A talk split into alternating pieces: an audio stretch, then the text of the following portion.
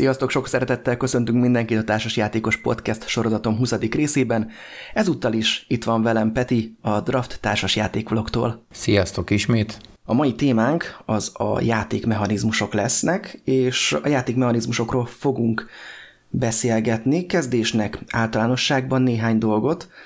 aztán megnézzük, hogy milyen sokfajta mechanizmus is létezik, aztán pedig összeállítottunk egy személyes kedvencekből álló ötös listát, és ezen fogunk majd egyesével végigmenni. Reméljük, hogy élvezni fogjátok, de fontos, hogy ezek nem kinyilatkoztatások a részünkről, inkább csak ténylegesen egyfajta beszélgetés arról, hogy a különböző társasjátékokban milyen érdekes vagy különleges mechanizmusokat találunk.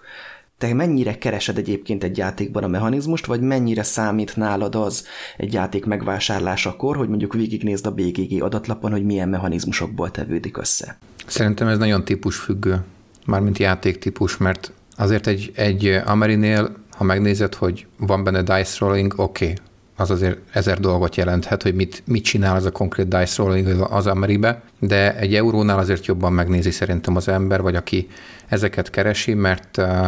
amikor kiírtad a, már nem is tudom melyik Facebook csoportba ezt a posztot, hogy kinek melyik a kedvenc mechanizmusa. Ott, a társas játékkedvelők csoportjában ez ugye nem régen jött létre. Így van, ott azért előjöttek olyanok, hogy olyan kommentek, amikből lehetett látni, hogy itt azért nagyon sok eurós beállítottságú ember van, aki keresi az adott kedvenc mechanizmusát az adott, a, a játékban, még mielőtt megvenné, vagy egyáltalán feltűnik-e neki, hogy benne van. Úgyhogy szerintem ez nagyon attól függ, hogy milyen játékokat játszol, mit keresel, mert egy Ameribe én inkább a történetet, a sztorit keresem, az élményt, hangulat szempontjából, míg egy eurónál azért megnézem, hogy mik vannak benne. Nálam ez egyébként kicsit hasonló, nincs olyan mechanika, amire abszolút ugornék, hogy jaj, de jó, akkor mondjuk egy paklépítős mechanizmus, amit egyébként nagyon sokan írtak, és akkor mindenképpen kell és érdekel, de nyilván vannak olyan különböző mechanizmusok, amik esetén lehet, hogy jobban elkezd érdekelni a dolog, vagy lehet, hogy azt mondom, hogy hát biztos, biztos jó lesz ez. Számomra egyébként ez utóbbiba tartozik például a licitálás, ami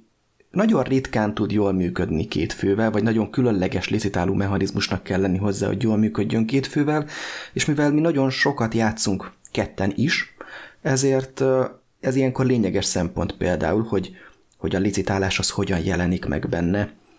de vannak olyan játékok egyébként, ahol az egy plusz motiváció arra, hogy kipróbáljam, vagy akarjak vele játszani, hogyha a kedvenc mechanizmusaimat tartalmazza. Ritka az egyébként, hogy mechanizmus miatt utasítsak el játékot. Tehát amit mondasz, az nálam is igaz. Hangulatilag, amit uh,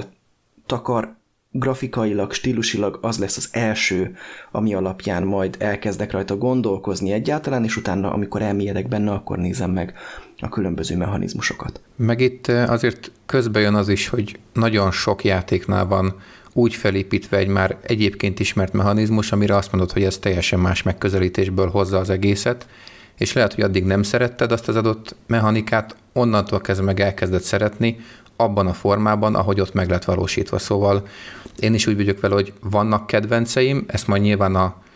a podcastnek a második felébe el fogjuk mondani, most nem akarok semmit előre lelőni,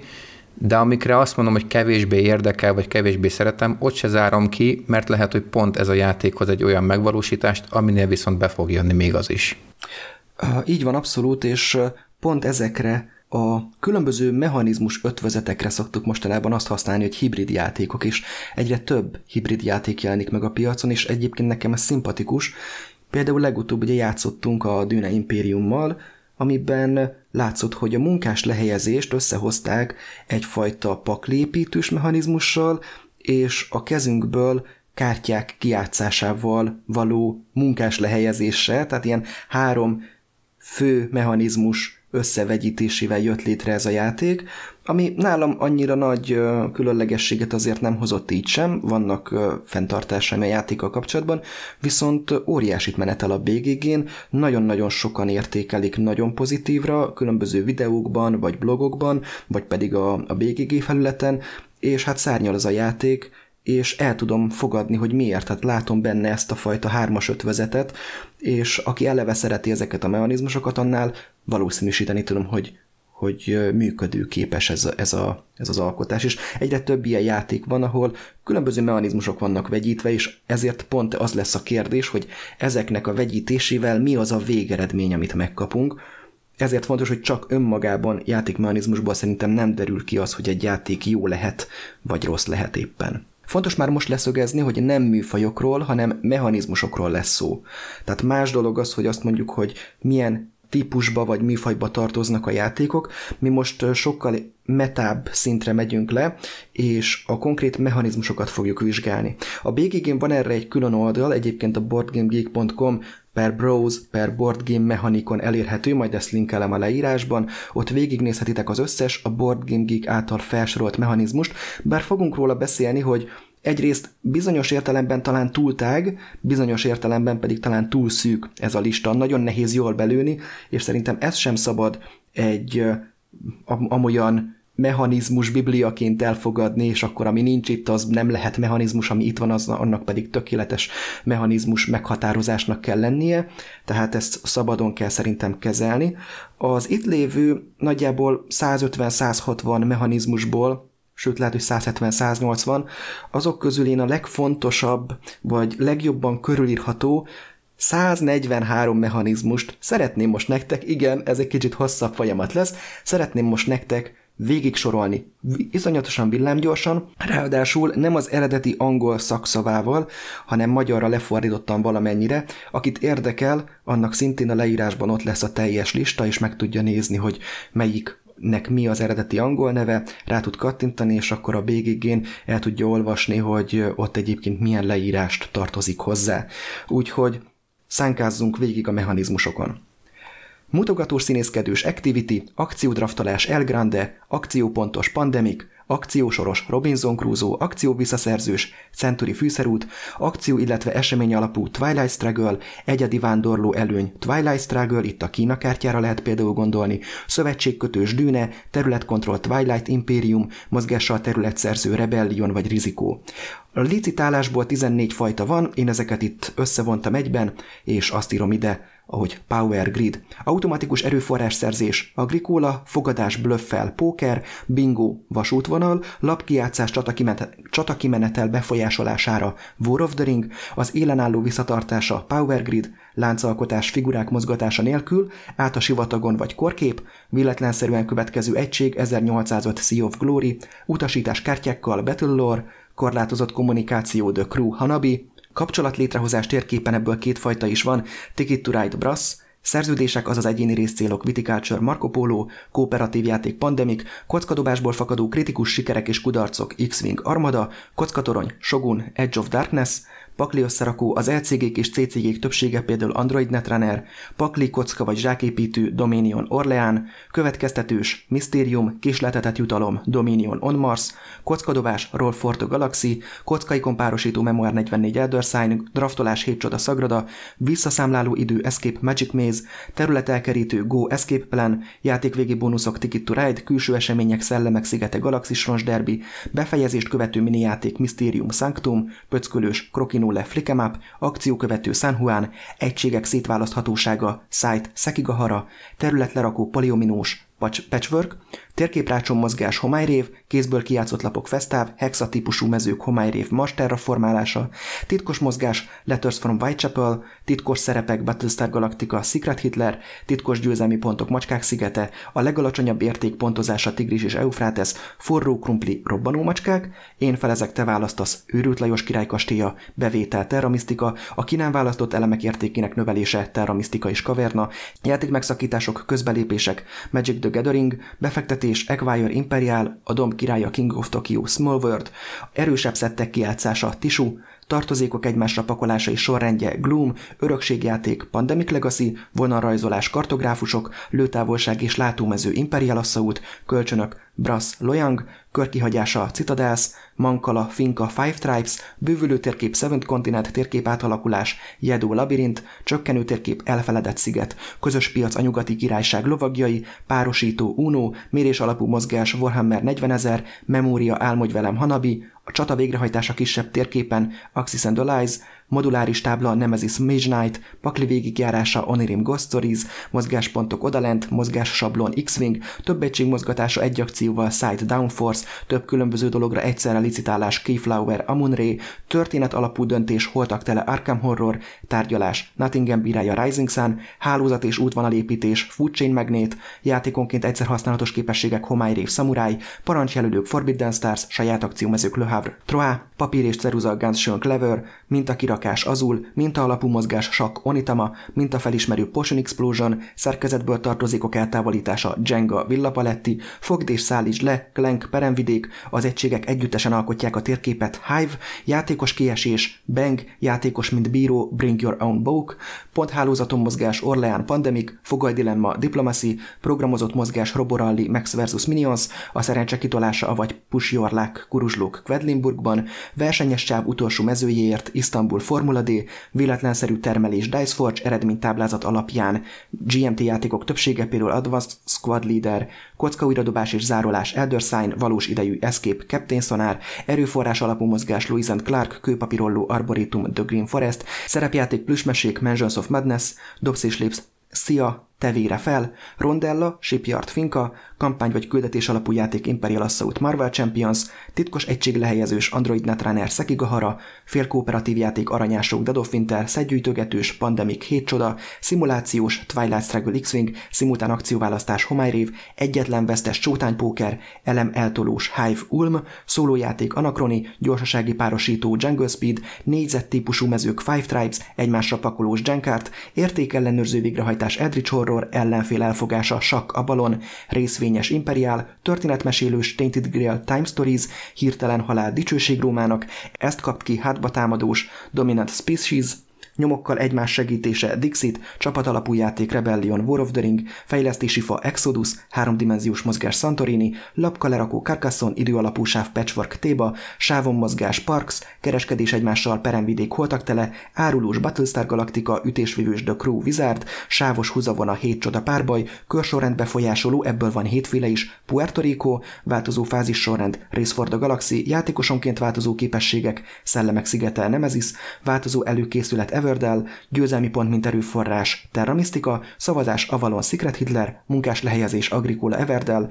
kocka lehelyezés munkásként, Troa, Alien Frontiers, és most veszek egy nagy levegőt, ez volt 143 darab mechanizmusnak a gyors végigsorolása egy-egy példával, Hát azt hiszem ez is jól mutatja, hogy milyen sokféle mechanizmus van. Én két dolgot szeretnék így ennek a végére tenni, hogy megemlíteni. Egyrészt számoltam, kétszer vettél levegőt, Másrészt pedig, aki úgy gondolja, az szerintem ezt a listát arra is használhatja, hogy a gyereket elaltassa. Yeah. De viccelek. A lényeg, hogy valamire használható. Így van. Hát nehéz volt követni, de szerintem aki tudja, az majd ilyen memorizáláshoz igénybe veszi ezt a listát. Jól összeszedted.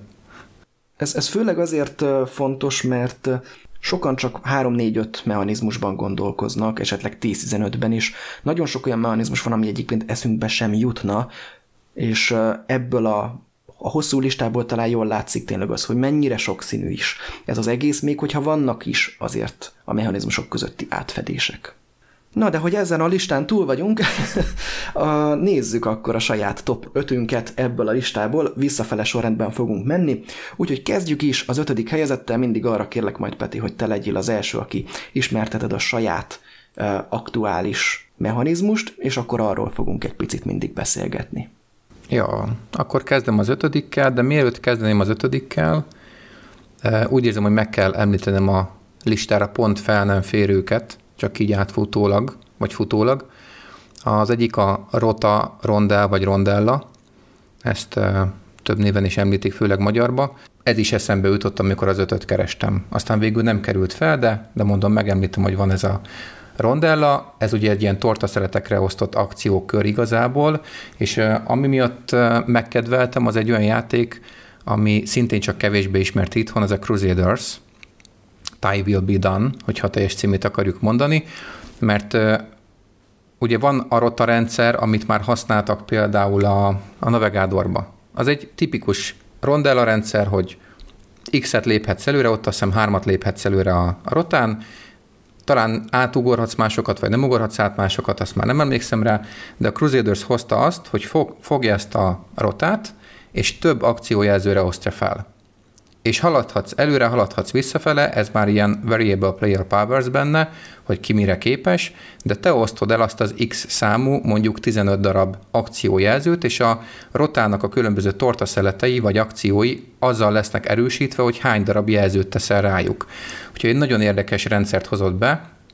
Ez a játék egyébként minden más szempontból egy átlagos játék, de ez a része szerintem remekül sikerült benne. Úgyhogy többek között a rotát ezért említeném meg, aztán ott van a tablóépítés, ami szerintem egy tökéletes mechanizmus arra, hogyha valaki az egyébként ebben a csoportban már kivesézett engine buildinget akarja behozni a játékába. Ugye erről is volt szó, hogy ez mennyire számít mechanikának, vagy mennyire nem, amiben most nem megyek bele, de a lényeg az, hogy szerintem a tablóépítés egy tökéletes alapmechanizmus ahhoz, hogy valaki egy engine building játékot hozzon létre. Viszont egyébként a tablóépítés magában sem mechanizmus, már hogyha ezt a hosszú listát nézzük, mert itt nem volt benne ilyen.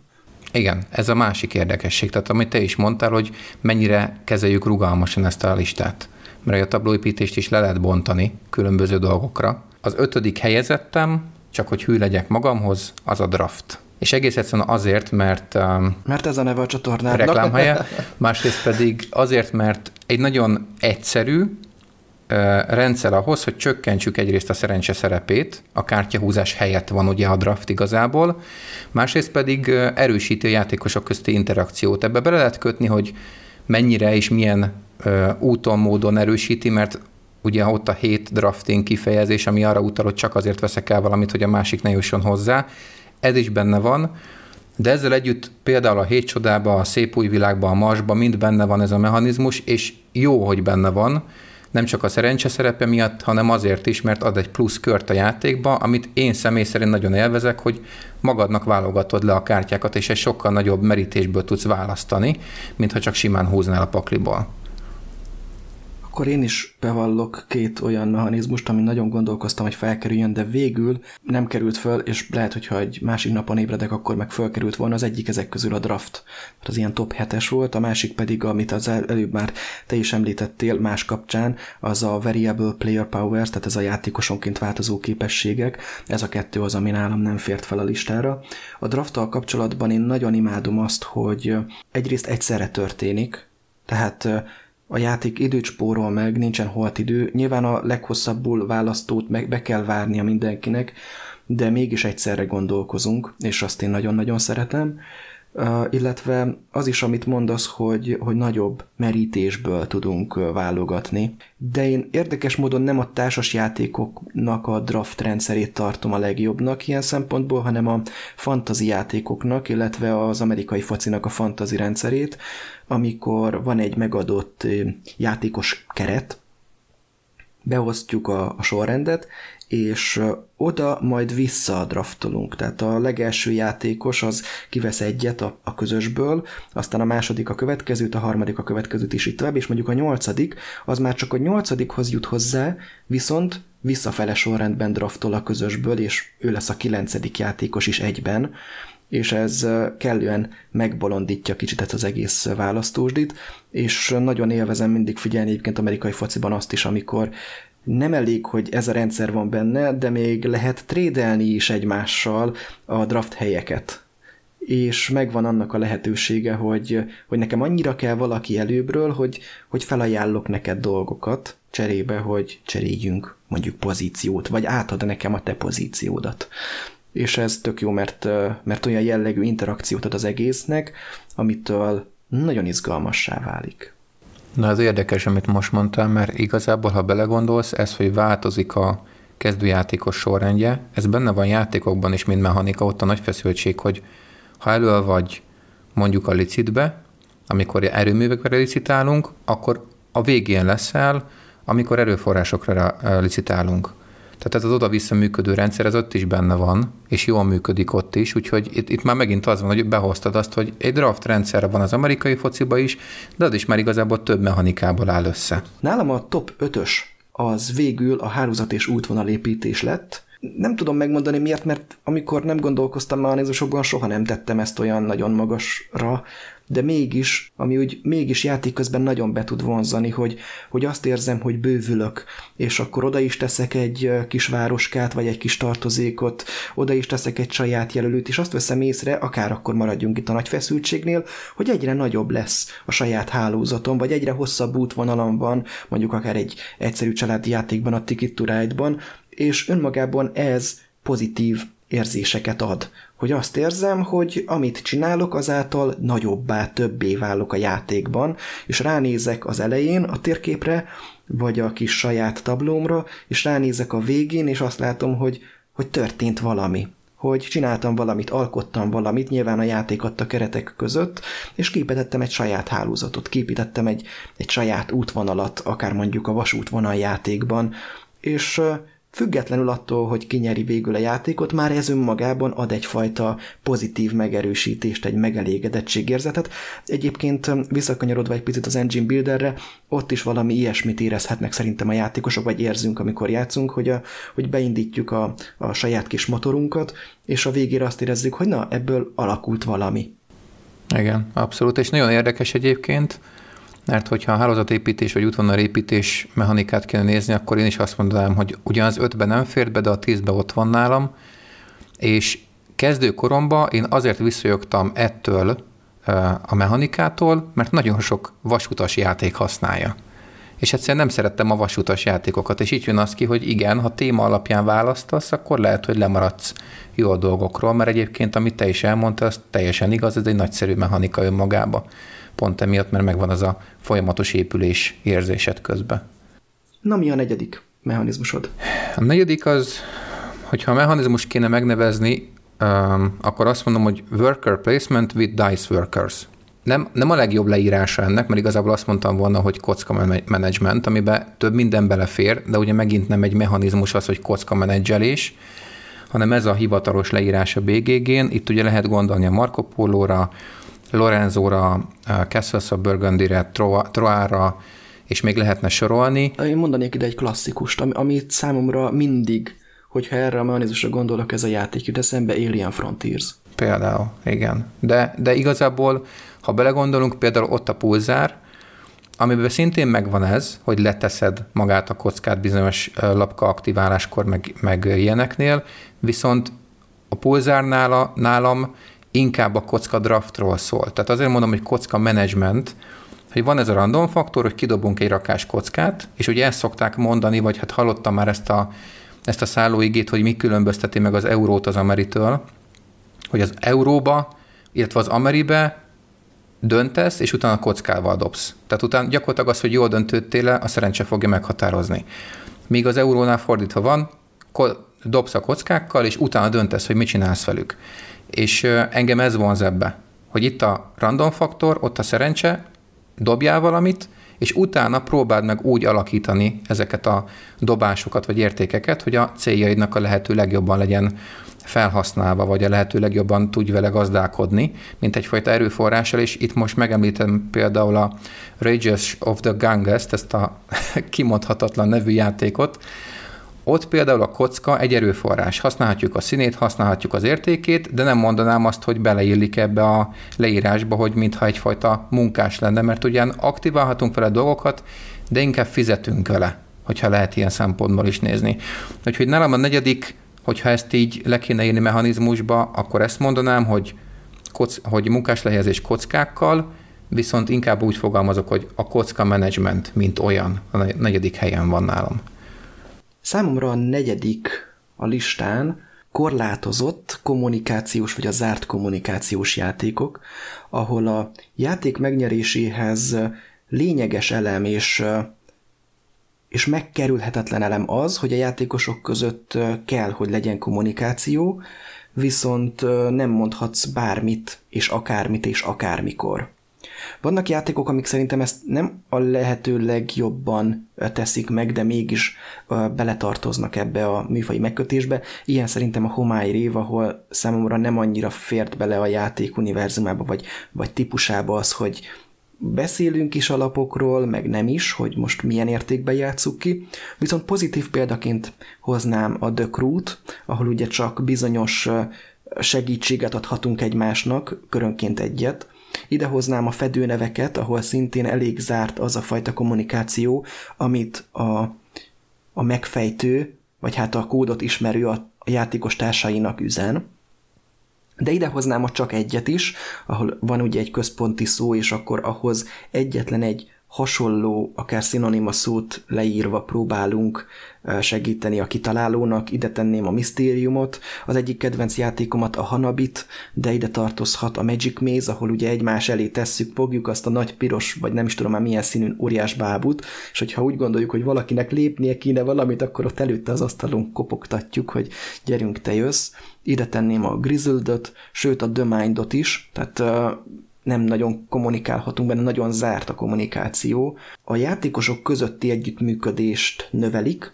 miközben nincs benne mondjuk az a lehetőség, hogy alfa játékos legyen, vagy hogy megbeszéljük, és mindenkinek egy picit vissza kell fognia magát, hogy igenis, én most nem reagálhatok arra a hanabiba, hogy valaki rámutatott arra a lapomra, mert ebből nekem már minden egyértelmű, tudom az összes többi játékosnak is alapját, és már összeállt a fejembe, hogy hogy kell kijátszani, de az még nem biztos, hogy elegendő, azelőtt még a többieketnek is olyan információt kell mondani, hogy ő nekik is egyértelmű legyen. És Szerintem ez egy nagyon intelligens mechanizmus, hogyha jól van használva. Igen, és talán ez a lényeg, hogy jól legyen használva. Egyébként egyetértek veled, pont a The Cruise példa miatt, mert bár nem vagyok egy nagy parti játékos, de az ilyen játékokat én is tudom élvezni, pont ezért, mert például ott is egy kooperatív játék, így van kiküszöbölve az alfa játékos szerepe benne, hogy, hogy kész. Nem mondhatja meg az alfa játékos, hogy mit csináljon a csapat, mert nem is szólalhat meg. Nálam a harmadik az egy olyan, amit már te kizártál az elején az ötből, az a Variable Player Powers. És um, egész egyszerűen, egyszerűen azért, mert um, tudom, hogy nagyon sok embernél, főleg eurósoknál kiveri a biztosítékot, hogyha nem ugyanolyan esélyekkel indul mindenki neki a játéknak, és egy picit is azt lehet érezni, hogy jó, a te karaktered sokkal erősebb, vagy a te frakciód sokkal másabb, miközben azt mondom én, hogy persze itt lehetnek balansz problémák, előfordulhat az, hogy egy-egy karakter, egy-egy frakció erősebbnek érződik um, a többinél, vagy az adott helyzetben, de nálam mindig uh, kiderült az, hogy egy jól balanszolt, jól kitesztelt játéknál, még ha van is minimális eltérés, az nem tudja befolyásolni a végeredményt annyira, hogy jelentőséget, különösebben nagyobb jelentőséget kellene neki tulajdonítani, és itt például a Marco Polo-ra utalok, ahol igen, a karakterek között van különbség, mert az egyik másik erősebbnek vagy gyengébbnek hathat a többinél, mégis azt mondom, hogy ha jól van összerakva a stratégiád, és ha jól használod az adott karaktert, és már a játék elején átlátod azt, hogy miért őt választottam, mit akarok vele kezdeni, akkor még egy gyengének, gyengébbnek ható karakter is simán hozhatja az adott játékot. És nekem ezt tetszik benne, vagy ott van például az aszimetria királya a rút, amiről már volt szó. Tudtam, hogy ezt fel fogod hozni. Így van, de például a kóp játékoknál is szerintem ez egy nagyon jó um, csemege vagy, vagy fűszer, hogy például belegondolsz a pandemiknél. Mindenki más tud csinálni. Hogyha mindenki ugy, ugyanazt tudná csinálni, akkor unalmas lenne a játék, akkor nem lenne értelme együtt dolgozni, akkor csak leosztanánk az Excel táblába a feladatokat, hogy jó, te ára mész, én meg erre, és kész, nincs mit megbeszélni. Miközben ez a Variable Player Powers, ez hozza ezt, hogy akkor ott a, a tiltott sivatag, Pandemic és az összes többi olyan kooperatív játék, amiben ez szerepet kap, hogy miért kell együtt dolgoznunk, mert szükségünk van a másikra. Mert olyat tud csinálni, amit én nem tudok csinálni. Úgyhogy én ezért szeretem ezt a, ezt a mechanizmust, mert egyrészt kópoknál nagyon össze tudja kovácsolni a társaságot, egyébként pedig um, versenyhangulatú játékoknál, eh, kompetitív játékoknál meg ad egy olyan újrajátszhatósági faktort is többek közt a játéknak, hogy jó, most ezt kipróbáltam, tetszett, lehet, hogy teszek még az adott karakterbe, frakcióba két-három játékot, aztán megnézem, hogy milyen egy másikkal. Kipróbálom azzal is, hogy mit, ad, mit tud többet, mit ad hozzá a játékomhoz, mivel vagyok jobb azzal az adott karakterrel, vagy bármivel. Úgyhogy eh, nálam ez egy alapvetően hívó szó egy játékba, persze ki kell tesztelni, ott a korkép, aminek ez a, ez a negatív példája, hogy sikerült úgy piacra dobni, hogy nem tesztelték ki a frakciókat, és olyan balansz problémákkal jelent meg, hogy hetekkel a megjelenés, vagy hónapokkal a megjelenése után már javító csomag érkezett hozzá, de hogyha egyébként ki van tesztelve, akkor én nagyon szeretem ezt a mechanizmust. Kulcsa az egésznek szerintem elsődlegesen az, amit mondtál, hogy újrajátszhatóságot növeli. Nagyon-nagyon sokszor előfordult a következő jelenet nálunk a társasjáték alkalmak után, amikor befejeztünk egy-egy játékot és kezdtünk elpakolni, elkezdtük nézegetni a többi frakciót. Ú, de király, ú, ezt nézd, hú, legközelebb ezzel leszek. Ú, hogyha ezt a képességet tudtam volna, hogy van és használom, akkor mennyivel másabb lett volna a játékom. És elkezdünk kattogni rajta, hogy, hogy mennyire különlegesek a különböző kasztok, képességek, szerepek, és így tovább, és elkezd érdekelni minket, hogy, hogy azzal milyen ugyanez a játék, főleg, hogyha az a játék már az első játék alkalom után is élvezetes és izgalmas volt. Úgyhogy az újrajátszhatóságot nagyon-nagyon megnöveli, és szerintem a játék során is változatosabbá teszi az egész játékot. Hogy nem ugyanazt csináljuk ugyanúgy, és akkor valami lesz, hanem, hanem valami kis apróságot beletesz, ami miatt másra kell koncentrálni, másra kell fókuszálni. Ezt egyébként korábbi játékok, vagy más típusú játékok sok esetben például a, a játékvégi titkos célkártyákkal segítik, hogy nem adnak neked más képességet, viszont adnak neked más célt, amit hogyha követsz, akkor egy bizonyos stratégia felé tol téged a játék, és a különböző stratégia lesz a változatosság a játékban, de szerintem ezeknél is jobb és érdekesebb ez a változó játékos képességek. Egyébként pont ezért mondom azt, vagy szoktam azt mondani, hogy Marco Polo-ba azért kellenek a karakterek, mert olyan vélemény is volt már, hogy ezek utólag lettek beletéve, lehet, hogy csak a divat kedvéért, de ha belegondolsz egy célkártyát, amikor felhúzol az elején, vagy célkártya párost választasz a játék elején, ha nincsenek a karakterek, akkor egész egyszerűen lehet, hogy pekhes vagy, és olyan célkártyákat kapsz, amit azt mondod, hogy oda a büdös életben nem jutok el. És ez egészíti ki. Ez tudja azt mondani, hogy igen, én most azért vettem fel Szumátrát, egyébként marha drága elutazni Szumátrába, de ezzel a karakterrel, aki egyébként lehet, hogy gyengébbnek tűnik, mint a többi, nagyon sokkal hamarabb oda tudok jutni, sokkal hamarabb tudom teljesíteni a célomat, és az engine-emet felépíteni útközben. Úgyhogy én abszolút kiállok emellett a mechanizmus mellett, mert nem csak ezekért, ezek miatt, hanem azért is, mert van, aki lehet, hogy nem feltétlen meg, találja meg a számítását az összes létező frakcióban, mondjuk a rút esetében, mert azt mondja, hogy neki a sasok túl agresszívek, túlságosan is gőzhenger módjára kéne gondolkodnia és előre haladni velük. Neki sokkal jobban illik a személyiségéhez, a játékstílusához az, hogy ott a kis kósza, és megy és fedezget fel romokat, néha ide-oda piszkál, beszélget a többiekkel, el, elhoz egy-két tárgyat a többiektől, szövetkezik velük, és azt mondja, hogy nem is próbálok ki mindent a rútba, mert nekem ez a karakter sokkal jobban bejött, és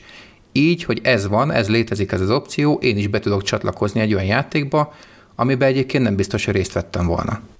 Ez már egyébként egy kicsit átirányít minket az aszimmetrikus játékstílusba, ami egyébként szintén érdekes, nincs a mechanizmusok között. Nincs ilyen mechanizmus, hogy aszimmetrikus játék. De ez csak egy kikacsintás volt, jöjjön az én harmadik helyezettem, az pedig nem más, mint a titkos szerepek.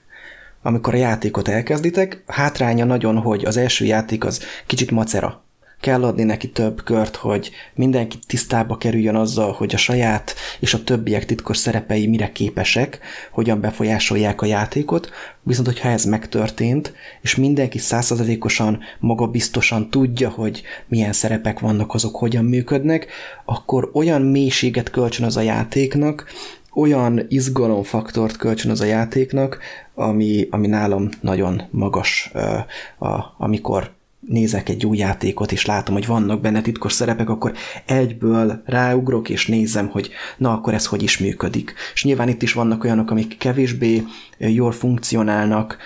de bizonyos játékokban pont ez lesz az a plusz íz, ami miatt érdekessé, feszülté válik. Ilyen egyébként a Nemez is, ahol a játékosok között mindenkinek van valamilyen titkos szerepe, vagy lehet titkos szerepe. Ilyen a Legendary Encounters az Alien játék, vagy ilyen a Battlestar Galactica, ahol, mind, ahol mindenki kap majd a játék során titkos szerepet. Ilyen, ilyenek azok a játékok, ahol a játék elején osztunk ki egy bizonyos titkos szerepet, például Secret Hitler, vagy Resistance, vagy Coop, vagy One Night Ultimate Werewolf, ahol az elején kapunk meg egy-egy szerepet, és annak megfelelően cselekszünk, de akár ide lehet hozni egy klasszikusabb példát is, a Benget, ahol szintén valakiről kiderül, hogy ő a sheriff, és a többiekről nem tudjuk, hogy ki kicsoda, és akkor ez alapján kell valamit csinálni, vagy egy 2004-es játékot is hozva az aranyásók, ahol meg a, a különböző csapatba tartozunk, és majd ez alapján eldől, hogy, hogy milyen céljunk, célunk van, és úgy kell játszanunk, hogy akik velünk egy csapatban vannak, akár a Secret Hitlerre is igaz ez, azok tudják, hogy igen, én veled vagyok haver, engem majd, majd így együtt csináljuk a dolgokat, de közben a másik csapat meg ne vegye észre, hogy, hogy ellenük dolgozol, és ez szerintem egy baromi humanizmus. Ez viszont szerintem egy olyan uh, mechanika, ami okot ad arra, hogy aki sértődékenyebb, az meg tud rajta sértődni, vagy össze tudnak veszni a, a játékosok, és itt ez már megint egy más témakör, hogy mennyire kell ezeket ilyen komolyan venni. Mert szerintem ez például a parti játékokban zseniálisan tud működni, de olyan hosszabb lélegzetvételű játékoknál is, mint a BSG, vagy a New Angels, azoknál is, mert ha jól emlékszem, az utóbbiba is van, azoknál is nagyon jól tud működni, amit te is mondtál, hogy ad egy olyan ízt a játéknak, amit máskor nem igazán kapsz meg. Ez az, ez az alapfeszültség, hogy folyamatosan ott van benned, hogy ki mit csinálhat, neki azt miért csinálta, miért akarja azt oda tenni. Úgyhogy egyetértek ebben is. Nekem nem került be a top 5-be, de de nálam is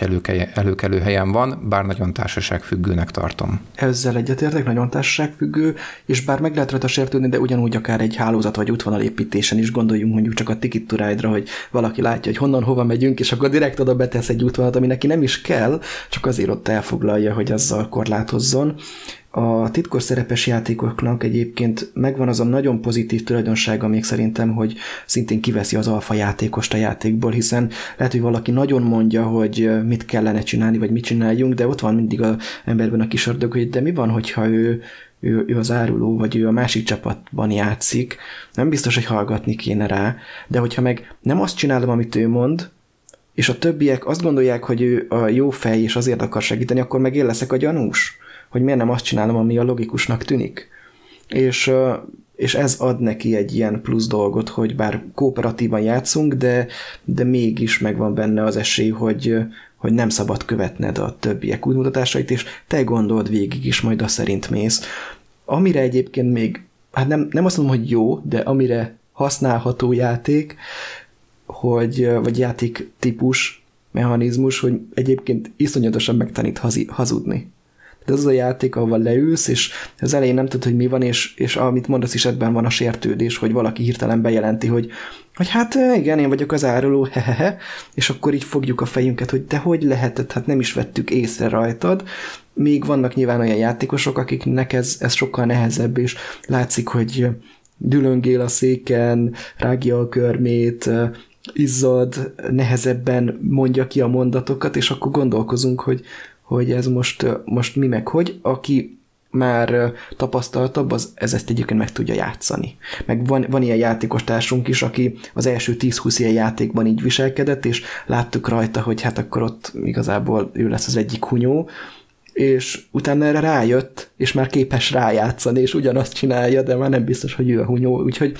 szerintem egy nagyon-nagyon jó kis játékmód ez. Na de menjünk rá a top 2-re. Egyébként valamennyire kapcsolódok is ide, az én második helyezettem, mert ez sem egy mechanizmus, inkább egy, hát nem is tudom, hogy hogy fogalmazok, egy mechanizmus csokor, vagy egy, egy olyan kifejezés, ami nagyon sok mechanizmusra ráhúzható. Én itt azt mondanám, hogy a table talkot kiváltó mechanizmusok. Itt lehet a negotiation, alliances, trade, voting, ezek mind olyan mechanizmusok külön-külön, amik elősegítik azt, hogy beszélgessünk a, az asztal felett, és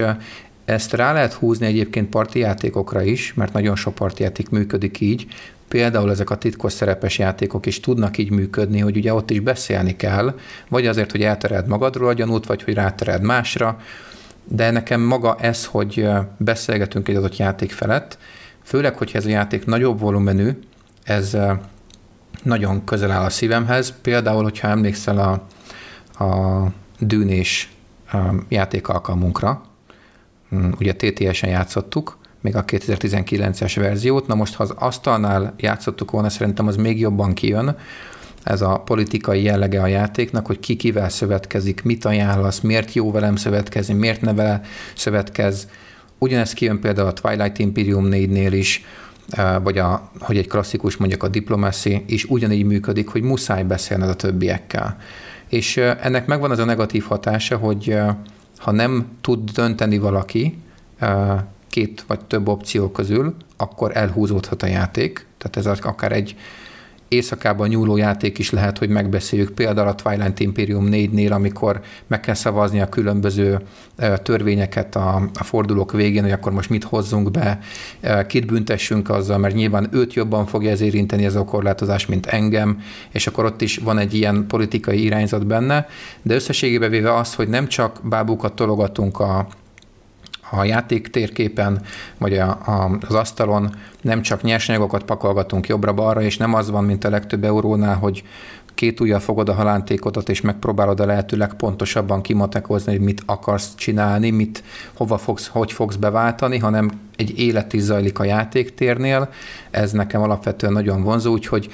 ezért mondom azt, hogy nem egy konkrét mechanizmust emelek ki, hanem egy, inkább egy ilyen mechanizmus csokrot, ami ezt elősegíti, és ebbe egyébként a titkos szerepek is beleillik, szerintem ilyen szempontból. Abszolút. Hát ez igazából a, talán itt a mechanizmusok közül a negotiation tudja lefedni leginkább, de értem, hogy miért ö, kerültél ki abból a burokból, és egy sokkal tágabb ö, fogalomba próbáltad ezt, ö, ezt belehozni. Tehát van egy olyan fajta interakció játékosok között, ami, ami közös megegyezésen alapuló, vagy, vagy beszélgetések, szövetségkötéseken alapuló, de a játék rendszerén belül maradó dolog. Szuper. Uh-huh. Az enyém, az egy picit hazabeszélek, mert, mert a, hát remélhetőleg egy-két hónapon belül már találkozni fogtok vele, egy-kétszer már elejtettem így így zárójelesen a témát, hogy hamarosan megjelenik majd az első saját játékom is Kickstarteren, az is egy ilyen mechanizmusot, me- mechanizmust tartalmaz, ez pedig a szimultán akcióválasztás, amit én iszonyatosan nagyra tudok becsülni egy játékban. Szerintem nem olyan egyszerű létrehozni ilyen rendszereket, mert fontos, hogy amikor szimultán választunk akciót, vagy szimultán játszunk ki valamit, akkor tudatában legyünk annak, hogy a másik milyen lehetőségekkel rendelkezik. Hogyha ezzel nincs meg, és mondjuk a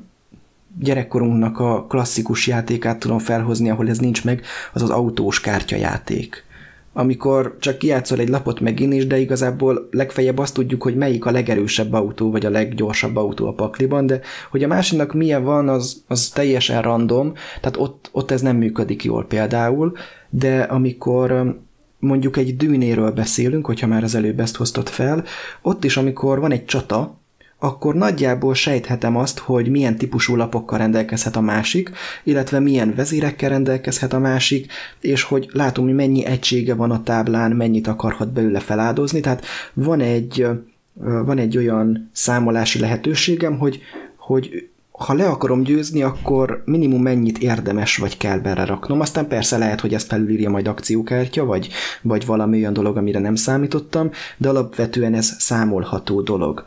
és nagyon szeretem az olyan szimultán akcióválasztós játékokat, ahol néhány dolog közül tud választani az ellenfél is, és én is, és egyszerre játszunk ki kártyát például, és azt összehasonlítjuk, és az alapján dől el, hogy akkor hova tovább, merre megyünk. Ide tartozik egyébként egy picit, bár az nem akcióválasztás, de szimultán, amikor úgy licitálunk, hogy beletesszük a kezünkbe a kellő összeget, ökölbe szorítjuk, középre tesszük, és egyszerre fedjük fel, és aki a legtöbbet licitálta, az a jutalom. Azért szeretem még ezt nagyon, mert egyszerre zajlik, és miközben a saját akciómon gondolkozok, gondolkoznom kell a többiek fejével. Ők vajon mit akarnak majd csinálni? Egyszerre kell a saját ö, saját dolgomat is erősítenem, de egyszerre kell úgy is gondolkozzak, hogy mivel tudok a másiknak egy pici hátrányt okozni. Ilyen szempontból van egy kicsi összefüggés e között és a draftolás között, hogy ott is végig kell gondolnom, hogy oké, okay, hogy ezt kiveszem magamnak, de a többit továbbadom, és azzal lehet, hogy óriási előnybe hozom a másikat. Hm, igen. Én ez nem fűzök többet hozzá, mert szerintem teljesen körbejártad a dolgot.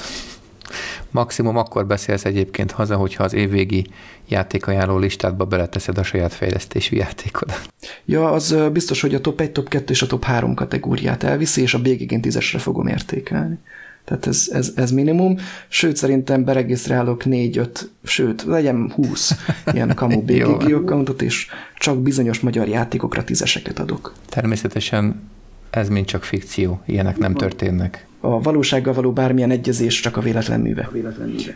Nézzük a top 1-es kategóriádat. A top 1 igazából alátámasztja a top 2-t is, meg ha úgy nézem, akkor a hármat is. Area Majority per Influence. Szépen magyarosítva, vagy magyarra fordítva, terület befolyásolás, és nagyon érdekes, mert nem találtam meg külön a mechanikák közt a, a, a terület foglalást, ugye az area control, és ez benne van, ha belegondolunk. Tehát az, hogy terület befolyásolás, ugye itt lehet említeni az El Grande-t, vagy lehet említeni most egy friss játékot, a Párist, aminek az a lényege, hogy az adott kulcsokat úgy pozícionáld a kerületen belül, hogy végül az épületek összértékénél a ti, te összértéked legyen a legnagyobb, és te vidd el a kerületnek a bónuszait, a győzelmi pontokat, hogyha van ott olyan lapka. És igazából a területfoglalás egy agresszívabb formájának tűnhet ennek, mert gondoljunk csak egy nagyon ősrégi játékra, rizikó. Dobunk, oda megyünk, legyőzzük, és ami ott volt az ellenfelünknek, az ott megmurdál, megy haza, elveszítette azokat az egységeket. De igazából itt csak az egyetlen különbség szerintem az időzítés. Mert még a terület befolyásolásnál a játék végén derül ki, hogy kiveszítette el az adott területet, és igazából amit ott beleölt addig energiát, egységeket, bármit, az ott derül ki, hogy fölösleges volt, míg a területfoglalásnál azonnal kiderül, hogy ki győzte, vagy ki, ki nyerte meg az adott területet, pozíciót, Úgyhogy ez nagyon rokon uh, mechanikák. Szerintem amúgy érdemes lenne külön kezelni, pont emiatt az időzítés része miatt, de ettől függetlenül egy kalap alá, alá is lehet őket venni. És itt visszatérve egy kicsit a Table Talk-ra, vagy a Variable Player Powers-re, nekem azért tetszik ez a mechanika, mert egyrészt konfrontatív, nyilván konfrontatív, nem mondom azt, hogy interaktív, mert az egy kicsit más jelent, és én bírom ezt a fajta konfrontációt, tehát nekem nem, nem esik rosszul, hogyha elvesznek tőlem valamit, mert akkor tudom azt, hogy azért tudták elvenni, mert rosszul pozícionáltam az egységeimet mondjuk, vagy bármit. Emellett szólva mondom azt, hogy nagyon nem mindegy, hogy milyen mechanikákkal van ez párosítva, mert például van egy játék, nem tudom, ismered, de a Mare Nostrum Empires, Hallottam, de nem ismerem. Nem, nem baj, ha nem. Egy, szerintem egy elég uh, alulértékelt, meg itthon abszolút nem is felkapott. Én azt mondom, hogy hibrid játék, mert hogy alapvetően megvan benne az az eurós vonal, hogy erőforrásokat menedzselünk, van egy kereskedelmi fázis benne, hogy cserélgethetünk, van vagy 12 vagy 13 fajta erőforrás van benne, és pont azért, mert ez eleinte úgy tűnik, hogy minek ennyi, tehát miért nem van csak kettő-három, mint az átlagos területfoglalós játékokban, viszont behozza azt ezeknek az erőforrásoknak, meg ennek a hibrid jellegének adódóan, hogy igen, tudsz nyerni pusztán területfoglalással is, tudsz nyerni akkor, hogyha talán három kulcsfontosságú várost uralsz, viszont akkor is tudsz nyerni, hogyha jól szeded össze ezeket az erőforrás szetteket, és a a kereskedelmi fázis végére egy olyan szettet tudsz felmutatni, amit meg kizárólag csak ügyes kereskedéssel, és egyébként jól megválasztott területfoglalással tudtál összeszedni, mert hogy minden terület másfajta erőforrásokat termel, és lehet, hogy, hogy a többiek azt hiszik, hogy te a várost mész elfoglalni, közben neked teljesen jót a város melletti kis sivatagos terep, azért, mert azt adja meg, amire neked szükséged van. Úgyhogy ha ez jó van mixelve, akkor szerintem egy nagyon élvezhető játék alakulhat ki belőle, például ott a site is, amit nagyon sokan nem szeretnek, és én is azt mondom, hogy tele van hibákkal az a játék, de 5-6-7 fővel én a mai napig szívesen előlök vele játszani, mert ott jön ki igazán az, hogy fontos benne a területfoglalás. Két-három főnél olyan lazán eljátszunk egymás mellett, hogyha kell nem is találkozunk. Ott nincs értelme ennek a résznek, nem elég szűk a pálya ahhoz, hogy kijöjjön ez a része, viszont 5-6-7 főnél ez abszolút a kijön, és akkor már megjelenik mellette az, hogy, hogy abszolút politikai játékká tud válni, hogy ó, meg akarsz támadni, jó, figyelj, ne támadj már meg, mert akkor itt a következő körben tudunk szövetkezni, vagy kapsz valamit, vagy átengedem neked ezt a területet.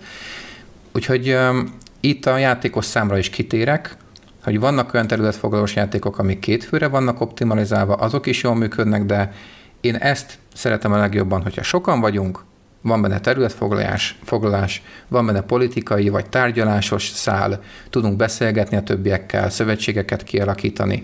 Nekem ettől pezseg és él egy játék, és én ezért vagyok oda, ezért a mechanikáért egyébként, ezért figyelek rá, hogyha megjelenik, és csak hogy még egy másik példát is mondjak, csak hogy milyen sokszínű ez a mechanizmus. Pont a héten próbáltuk ki a Renature című Kramer Kisling játékot, a, nagyon hasonló a Párizshoz, tehát egy területbefolyásolás van benne, de teszi ezt egy totál abstrakt, dominós környezetben, amire nem is számítottam igazából, hogy ennyire konfrontatív játék tud kerekedni így ebből, hogy van egy, egy pattern building rész benne, hogy dominókat kell egymás mellé pakolgatni, és mellesleg olyan ö, pozíciókat elfoglalni a különböző növény jelzőinkkel, amikkel a végén mi tudjuk lepontozni az egyébként körbezárt területet. Úgyhogy rengeteg játékban meg tud jelenni, hogyha jól van összerakva az adott játék, és nagyon sokszínű tud lenni ez a mechanizmus. Láttam az unboxingját, lesz róla ismertetőd is? Szeretnék, szeretnék, abszolút. Szerintem mondjuk nagyon hasonlít a Párizshoz a, az elv, ami működik benne, de mégis más oldalról van megközelítve. Úgyhogy ezért mondom, hogy, hogy önmagában az, hogy benne van ez a mechanizmus, nagyon sokrétű tud lenni, és lehet, hogy felsőtűnik az embereknek, hogy egy konfrontatív játékot játszanak. Annyira ügyesen el lehet ez benne, benne helyezni. Ennek a játéktípusnak is megvan szerintem egyébként az a negatívabb kicsapódása, hogy ugyanúgy meg lehet benne sértődni. Abszolút. Ez is az a típusú mechanizmus, amit nem biztos, hogy mindenkinek javasolnék, és még magamon is sokszor észreveszem, én ezért nem szeretem egyébként, mert, mert kicsit durván néha fizikai fájdalmat okoz, amikor ne, nem csak az, hogy ha elvesznek tőlem területet, mert az benne van, hanem az, amikor úgy vesznek el tőlem területet, hogy nem tartom logikusnak. Hogy nem azért veszik ki, mert jaj, te vagy az első, hanem hát, mert most legyél te. És akkor, de hát miért? Én most teljesen a közepén vagyok mindennek, és akkor ez most engem visszavet.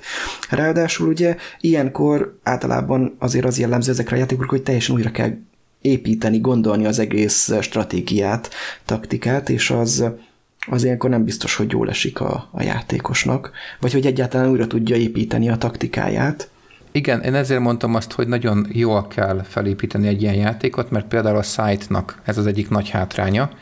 A site-ot is azt mondom, hogy területfoglalás alapon is működik, de inkább kicsit olyasmi, mint a Twilight Imperium, hogy csak akkor konfrontálódjatok, hogyha nagyon megéri, vagy ha nagyon kell. Mert egyébként legyengültök tőle, mind a ketten, a támadó és a védekező fél is jó esélye legyengült tőle, ha csak el nem blöffeli az egyikük, és onnantól kezdve a többieknek megérheti ütni őket. Mm. És ugyanez van a Twilight Imperiumban is, hogy lehet, hogy lenyomtok egy eposzi, óriási két flotta egymásnak csap, és zörögnek a kockák, és többiek nézik, hogy hú, hát ez mekkora élmény volt, de olyan gyengék lesztek a csata végére, hogy a többiek azt mondják, hogy ja, hát átgyalogolok, átgyalogolok rajtad két vadásszal. Ezek inkább politikai szempontból érdekesek e, az én meglátásom szerint, hogy hozd olyan pozícióba a, az egységeidet, hogy ne akarjanak megtámadni. Hogy érezzék azt, hogy hát ha megtámadom, lehet, hogy nyerek, de inkább többet fogok veszíteni.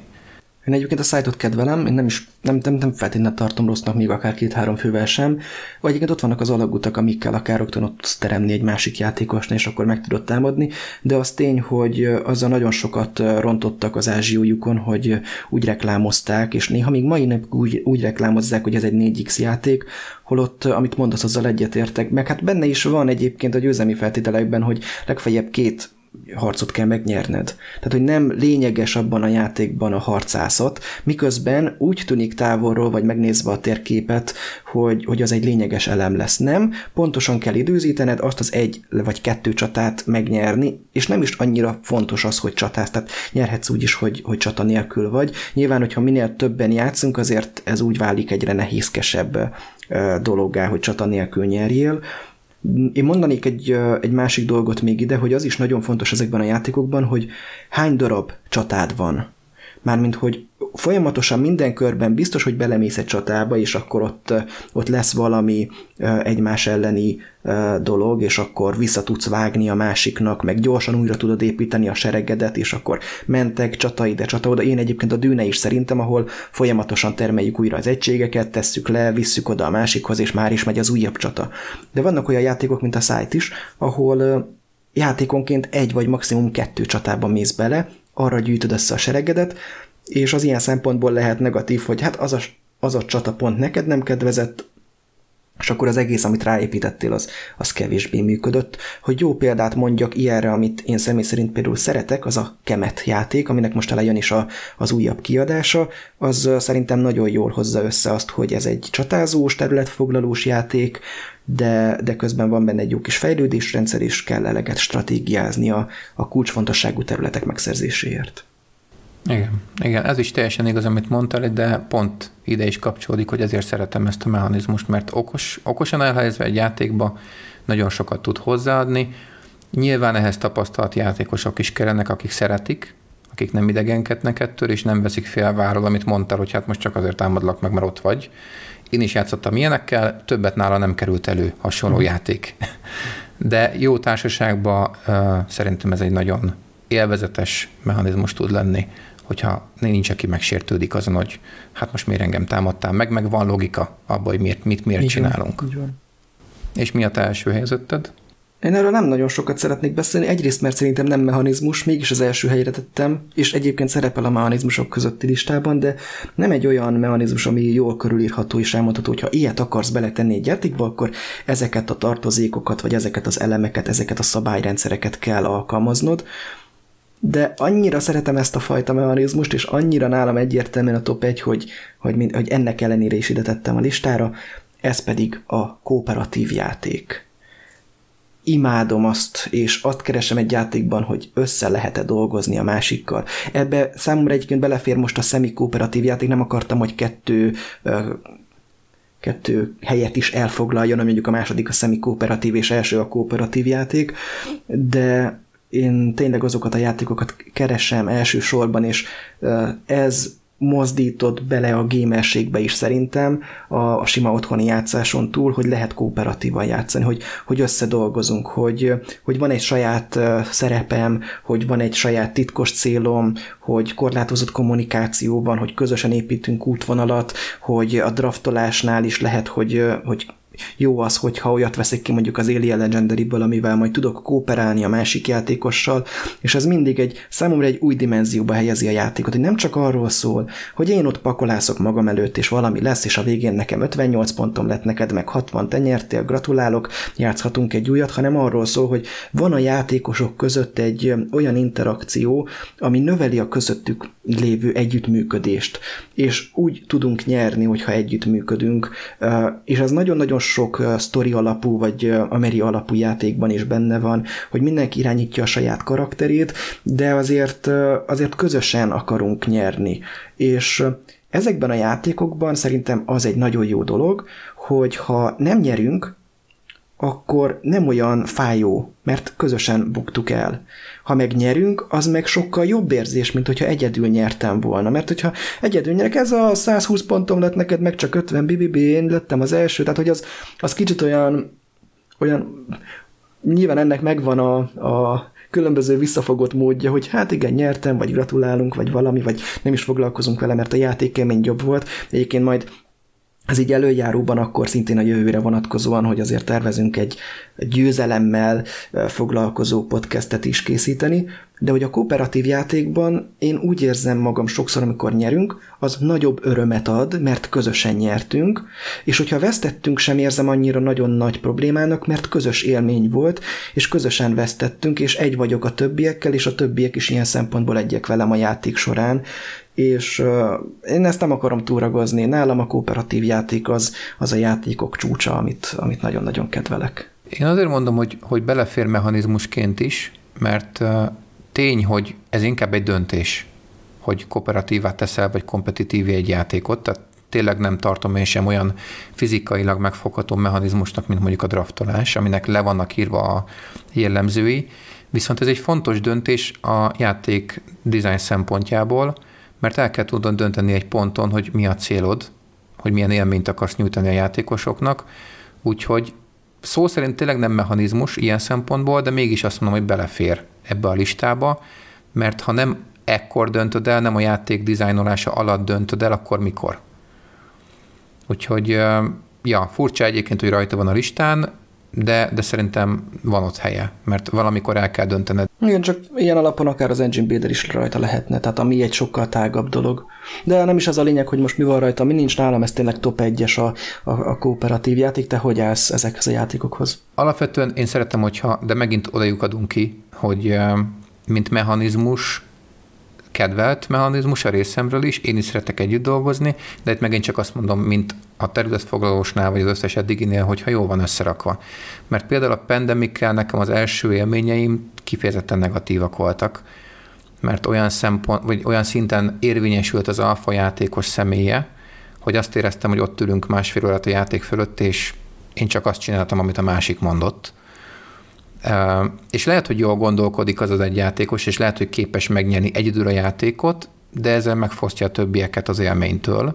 hogy együtt találjuk ki, mert egyébként az, amit te elmondtál, hogy együtt dolgozunk egy közös célért, az valóban egy nagyon nagy élményfaktort tud adni. Talán azt mondom, hogy, hogy nagyobb élményt tud adni egy kooperatív játék, egy jól összerakott kooperatív játék, mint egy ugyanolyan jól összerakott kompetitív játék.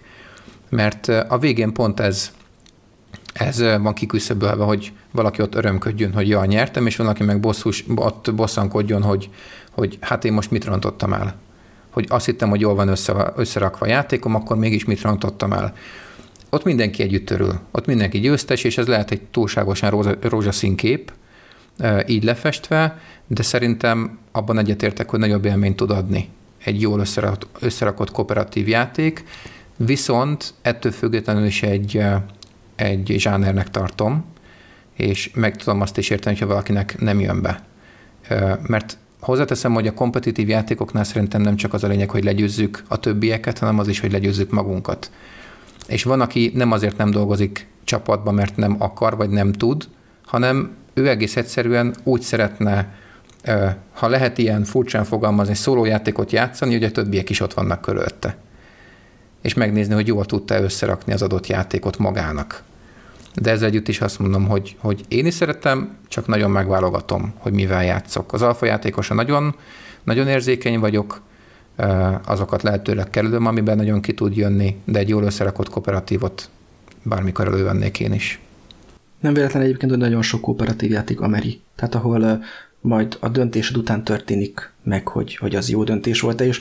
megkérdezheted tőlem, hogy most jó döntése, hogyha azt csinálod, nem fogom tudni megmondani, hanem hát majd, majd kiderül. Nyilván lehet valamennyire számítani rá, hogy valamelyik jobb lehet, mint a másik, de majd kiderül, és ezért is mondom, hogy például a szemikooperatív játékok, egyébként ebbe a kategóriába is beletartozik a majd hamarosan megjelenő játékom, a szemikooperatív játékokban is pont ez a jó, hogy, hogy azért kell összedolgozás, de azért óvatosan, tehát ez kiveszi kicsit az alfa játékos szerepét, ami egyébként egyetértek a pandemikben abszolút jelenlévő probléma forrás lehet, mondjuk én attól függetlenül kedvelem azt a játékot, de amit mondasz abszolút helytálló, ezekhez a játékokhoz is, és egyébként szerintem minden játékhoz megfelelő társasággal kell leülni, és akkor nagyon jó élményt tud adni, egy akár rosszabb játék is, mert hogyha jó társaság vesz körül a játék során, közösen dolgozunk egy közös célért, vagy mindenki tudja a saját kis dolgait, nem uraljuk le egymást a játék során például, akkor az egy tök jó élmény tud lenni. És ez a lényeg szerintem a társasozásban, és nálam ezért is a kooperatív játék van első helyen, mert a, a társas játék, bár én is szoktam szólóban játszani, és, és jók a szólójátékok is, de azért elsődlegesen közösségi, közös élmények, társas élmények, és annak, a, annak az öröme, hogy együtt vagyunk, egy kicsit együtt tudunk időt eltölteni, és akkor éppen miért ne játszunk, és valamilyen játékot előveszünk, és akkor a, a társaságtól függően tudunk vele játszani, és nálam ez egy, egy nagyon-nagyon fontos szempont. Igen, és egyébként pont erre mondtam én is, hogy nagyon sok olyan szoliter típusú játék van, ahol szinte tök mindegy, hogy ott vannak a többiek körülötted. Például a Calico is ilyen. Az egyetlen interakció, hogy melyik lapkát választod a piacról. Ezt gyakorlatilag akkor is megtehetnéd, hogyha szólózol vele,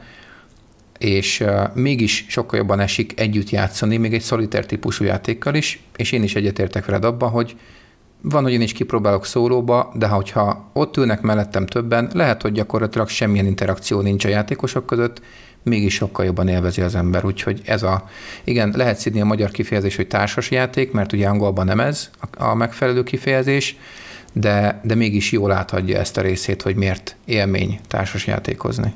Szerintem ez kiváló záró gondolat volt ehhez a kicsit hosszabbra nyúlt epizódhoz. Nagyon szépen köszönjük a figyelmeteket. Írjátok meg ti is kommentben azt, hogy számotokra mik a legjobb mechanizmusok, hogyha az engine buildert vagy olyat is belevesztek, ami nincs egyébként a listán, azzal sincsen semmi gond. Mik azok a, a mechanizmusok vagy játékelemek, amik, hogyha benne vannak egy-egy játékban, akkor, akkor felkapjátok rá jobban a fejeteket, vagy amivel lehet, hogy szívesebben játszotok, kíváncsiak vagyunk rá. Ha eddig még nem tettétek meg, akkor irány a drafttársas játékvlog, és iratkozzatok fel Petihez is, nagyon jó kis tartalmak vannak ott is, és kövessétek a